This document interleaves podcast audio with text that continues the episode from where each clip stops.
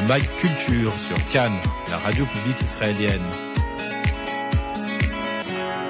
Bonsoir à tous. J'ai le plaisir d'avoir avec nous en ligne Antoine Victine, réalisateur de documentaires en France. Il a réalisé plus d'une vingtaine de documentaires pour les grandes chaînes de télévision françaises comme Arte, Canal+, France 5 et il a travaillé sur des sujets forts et importants qui nous touchent beaucoup comme par exemple les attentats en Europe, les attentats de Charlie Hebdo sur Kadhafi, sur la guerre froide et il est avec nous en ligne pour parler de sa dernière œuvre Bonsoir Antoine Victine. Bonsoir, bonsoir, merci pour, ces, ce compliment. Vous venez de réaliser un documentaire passionnant sur un sujet incroyable. J'ai d'ailleurs beaucoup de mal encore à comprendre le sens profond de cette histoire. C'est l'histoire de Magda Goebbels, qui était la première dame du Troisième Reich, donc l'épouse de Goebbels. Et vous avez réalisé un travail qui n'est pas seulement un travail documentaire, mais aussi un travail d'analyse historique de ce personnage. Est-ce que vous pouvez nous raconter quelle a été votre motivation de départ? Oui, euh, c'est exactement ça. Ma, si vous voulez, ma, question première, hein, qui est à l'origine de, de, ce film, c'est de me demander non pas quel était en soi le, parcours de Magda Goebbels, quelle était son importance historique, ce qui est tout à fait intéressant, mais c'était d'abord de me demander comment euh, quelqu'un euh, de à peu près normal, en tout cas en théorie. Euh, je vais ensuite préciser ce que j'appelle normal dans le cas de Magda Goebbels. Mais en tout cas, comment euh, quelqu'un comme Magda Goebbels peut devenir une, nazie parfaitement convaincue, une fanatique, au point de commettre un, geste qui est resté quelque chose de très fort dans l'imaginaire collectif, qui est le meurtre, l'assassinat de ses six enfants au nom d'eux. Et c'est ce qu'elle c'est ce qu'elle dit et c'est ce qu'elle écrit dans une dernière lettre qu'elle laisse euh, en 1945 au nom de son euh, attachement au national-socialisme et au nom de son amour pour Hitler. Elle a écrit La vie sans Adolf Hitler ne vaut pas la peine d'être vécue. C'est ce qu'elle a écrit. C'est incroyable quand même. Voilà, absolument. Ce qui était une sorte de, si vous voulez, de, de symbole du fanatisme. En tout cas, ça apparaît comme tel. Je ne résume pas le fanatisme euh, nazi à, cela, mais ça, apparaît de manière, si vous voulez, très, imaginaire, très forte, euh, comme, cela. Et quand je disais comment quelqu'un normal comme elle, ce que je veux dire par là, c'est que euh, il n'y a pas évidemment un seul type de nazi, bien évidemment, sinon ce serait beaucoup trop simple. Mais Magda Goebbels, a priori, finalement, est assez loin de cet univers-là, puisque c'est quelqu'un de très cosmopolite. Elle a vécu une partie de sa, sa, jeunesse en Belgique, elle est polyglotte, elle vit ensuite un peu plus tard dans un milieu euh, extrêmement privilégié, au point d'être euh, premièrement mariée à, à, à quelqu'un qui viendra le fondateur de BMW.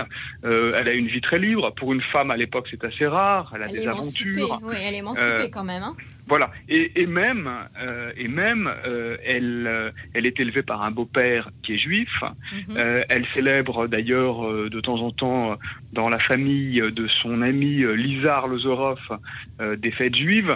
Et elle a même une aventure à un moment avec quelqu'un qui est un des, un des militants de la cause de l'État d'Israël. Euh, un militant sioniste allemand important, euh, Victor Arlozorov. Alors justement, il y a deux points que je voudrais soulever avec vous, si vous me le permettez.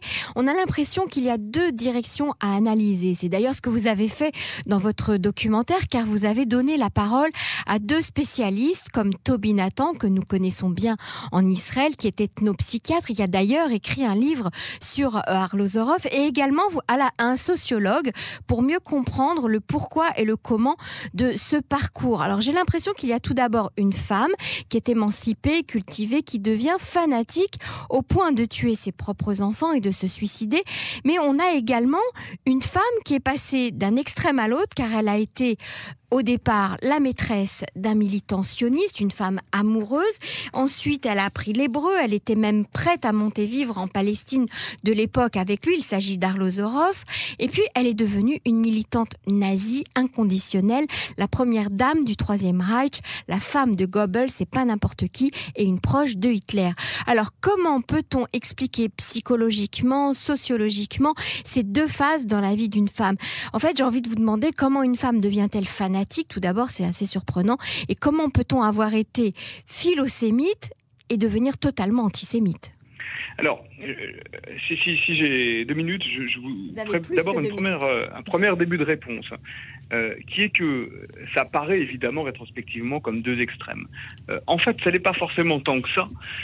Euh, parce que, notamment parce que euh, le, le, le, les juifs allemands étaient parfaitement insérés dans la société euh, allemande de l'époque, et, et, que donc avoir une relation avec un juif comme Arlozorov, avoir une relation sentimentale, ça n'est finalement pas, euh, ça n'est pas si extraordinaire. Et ça raconte quelque chose, c'est à quel point euh, ce qui viendra ensuite la Shoah est de certaine manière une éradication euh, en son propre sein euh, d'une partie de la population juive, euh, avec cette proximité-là. Et des nazis, voire des dirigeants nazis qui avaient des relations précédentes avec des juifs, voire même qui avaient été euh, partiellement élevés par, par, par des gens d'origine juive, comme je pense à Göring, il y en avait d'autres.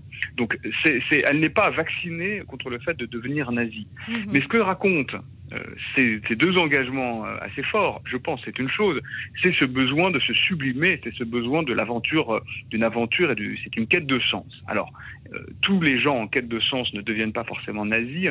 Pourquoi elle le devient-elle? Je pense qu'il y, a deux raisons. Il y a une première raison qui correspond un peu à cette quête de sens, mais qui est très marquée chez elle c'est qu'elle a besoin d'une aventure collective et plus que ça, elle a besoin d'être insérée dans un projet euh, existentiel collectif. Ce que je veux dire mmh. par là, c'est que le nazisme a une grande force, c'est qu'il propose à des gens euh, une appartenance ou un sentiment d'appartenance. Mmh. Euh, le nazisme est une manière, si je devais résumer à l'extrême, de dire vous vous demandez qui vous êtes, je vais vous dire qui vous êtes. Vous êtes des Allemands, vous êtes une communauté allemande supérieure aux autres et supérieure à ses ennemis internes ou externes. Et Magda Goebbels recherche cela pour une raison, je pense, très psychologique, qui est qu'elle a un sentiment d'appartenance extrêmement compliqué. Elle, a, elle, elle, est dans un questionnement identitaire. Euh, elle, et pour des raisons euh, familiales d'abord, elle n'a pas été reconnue par son père. Elle a été enlevée, élevée ensuite pardon, par quelqu'un euh, qui n'était pas son père, qui était son beau-père, qui ensuite a quitté sa mère. Mm -hmm. elle a également des questions religieuses.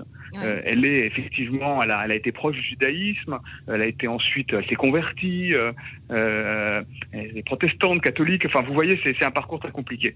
Et donc le nazisme est, comme le dit d'ailleurs Toby Dattan dans, le, dans mon documentaire, une sorte d'eureka. Euh, ça permet de rassembler les parties morcelées de son identité euh, en une seule cause. Je pense que c'est une raison euh, importante. C'est évidemment pas la seule, mais c'est quelque chose d'important et ça permet de comprendre pourquoi est-ce qu'on peut passer finalement euh, d'une cause à une autre dans son mmh, cas. Sachant que la deuxième cause est évidemment pas du même ordre et, euh, et, et, et criminelle dans le cas du nazisme. C'est ça.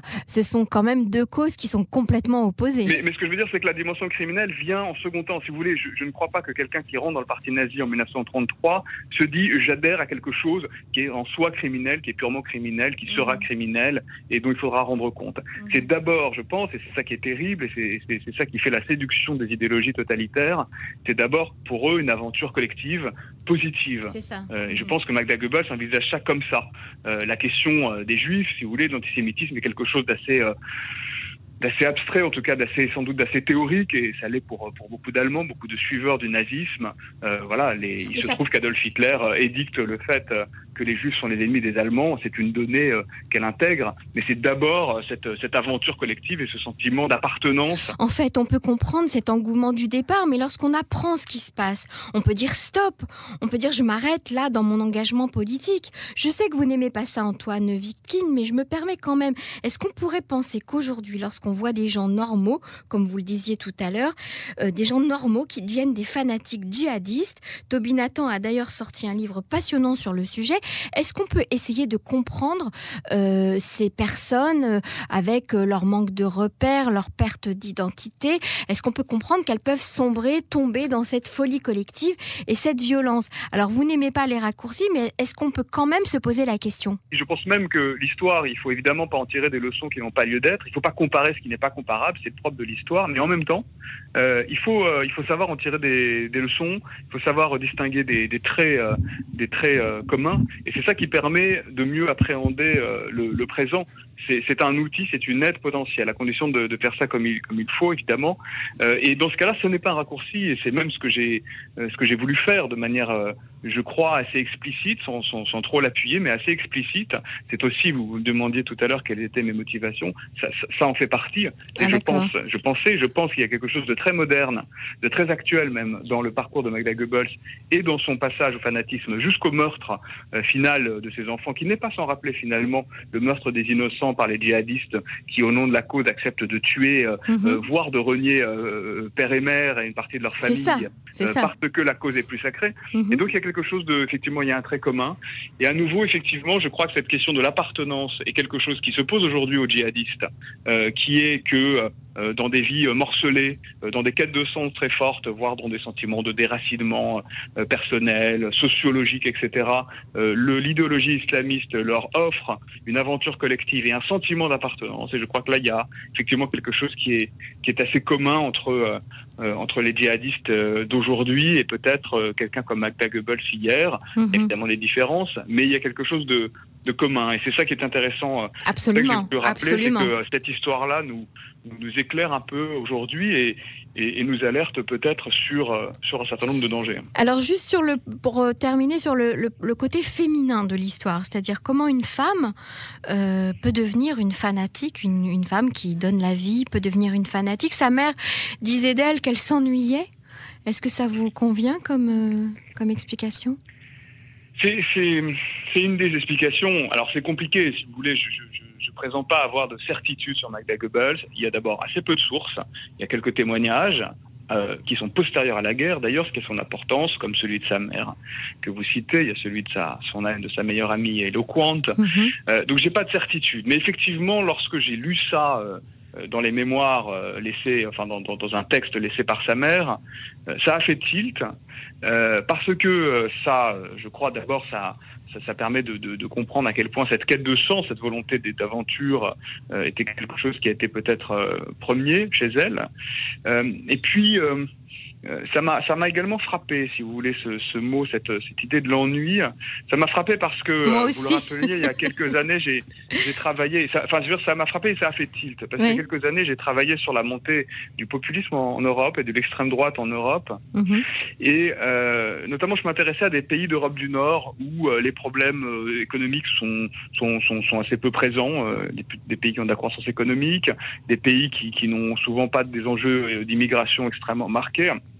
Et c'était euh, c'était quelques électeurs de ces partis-là à qui je disais mais écoutez je comprends pas euh, l'économie va bien pas de problème euh, d'immigration massive et, euh, et vous avez en plus un système politique qui marche assez bien qui est très Mhm. peu corrompu Mhm. c'était notamment le cas en Finlande et, c'est, et, et plusieurs de ces personnes m'ont dit mais ça marche trop bien euh, ça marche trop bien on s'ennuie euh, et je me suis dit à ce moment-là qu'il y avait peut-être c'était une hypothèse dans l'adhésion euh, à l'endroit de ces, ces mouvements cette volonté d'aventure collective cette volonté de, de, de trouver qu'un projet exaltant qui ne serait pas donné dans la société de consommation, dans notre démocratie, euh, dans notre démocratie. Et ça a fait tilt lorsque j'ai euh, lu que la mère de Goebbels présentait les choses comme ça, parce que je pense que là aussi, il y a certainement euh, quelque chose de commun entre notre époque et cette époque-là, euh, et que dans notre époque aussi, Mhm. cette question-là, de cet ennui démocratique, si vous voulez, se pose. Et voilà, je Très pense que dans le cas de Magda Goebbels, Mhm. ça, ça, ça a pesé. Je ne sais pas jusqu'à quel point, euh, mais en tout cas, ça a pesé. En tout cas, sa mère raconte ça comme ça. Et Et- décrit d'ailleurs cette conversation qu'elle a avec un, un militant nazi de haut rang, à qui elle dit euh, je, je, Ma vie n'a pas de sens, je m'ennuie. Et le militant nazi lui dit Rejoignez-nous, la vie passe plus vite. C'est ça, ce mot C'est exact. ça, exactement. Alors, juste pour terminer euh, sur la petite histoire, on va dire, euh, qui est quand même une grande histoire, c'est celle d'Arlozorov. Euh, pour nous, c'est- c'est c'est très important ici en Israël. Arlozorov, c'est un, c'est un symbole, c'est un personnage, et puis c'est aussi une rue euh, à Tel Aviv ou à Jérusalem dans laquelle on circule, donc qui fait partie de notre quotidien. Est-ce que vous pensez, vous aussi, que Arlozorov a été euh, éliminé par, euh, par Goebbels et par ses sbires là aussi, j'ai pas de certitude. Je sais que beaucoup de gens ont essayé de d'enquêter et, de, trouver des éléments. Il n'y a, a pas d'éléments probants de manière définitive. Il n'y a même pas de traces dans les archives. Donc c'est une hypothèse. La Euh, jalousie. ça me semble. ça- ça- alors, la jalousie est euh, plus que la jalousie. Il y a peut-être la jalousie absolument, mais peut-être plus que la jalousie, le risque que aurait constitué pour son propre pouvoir mhm.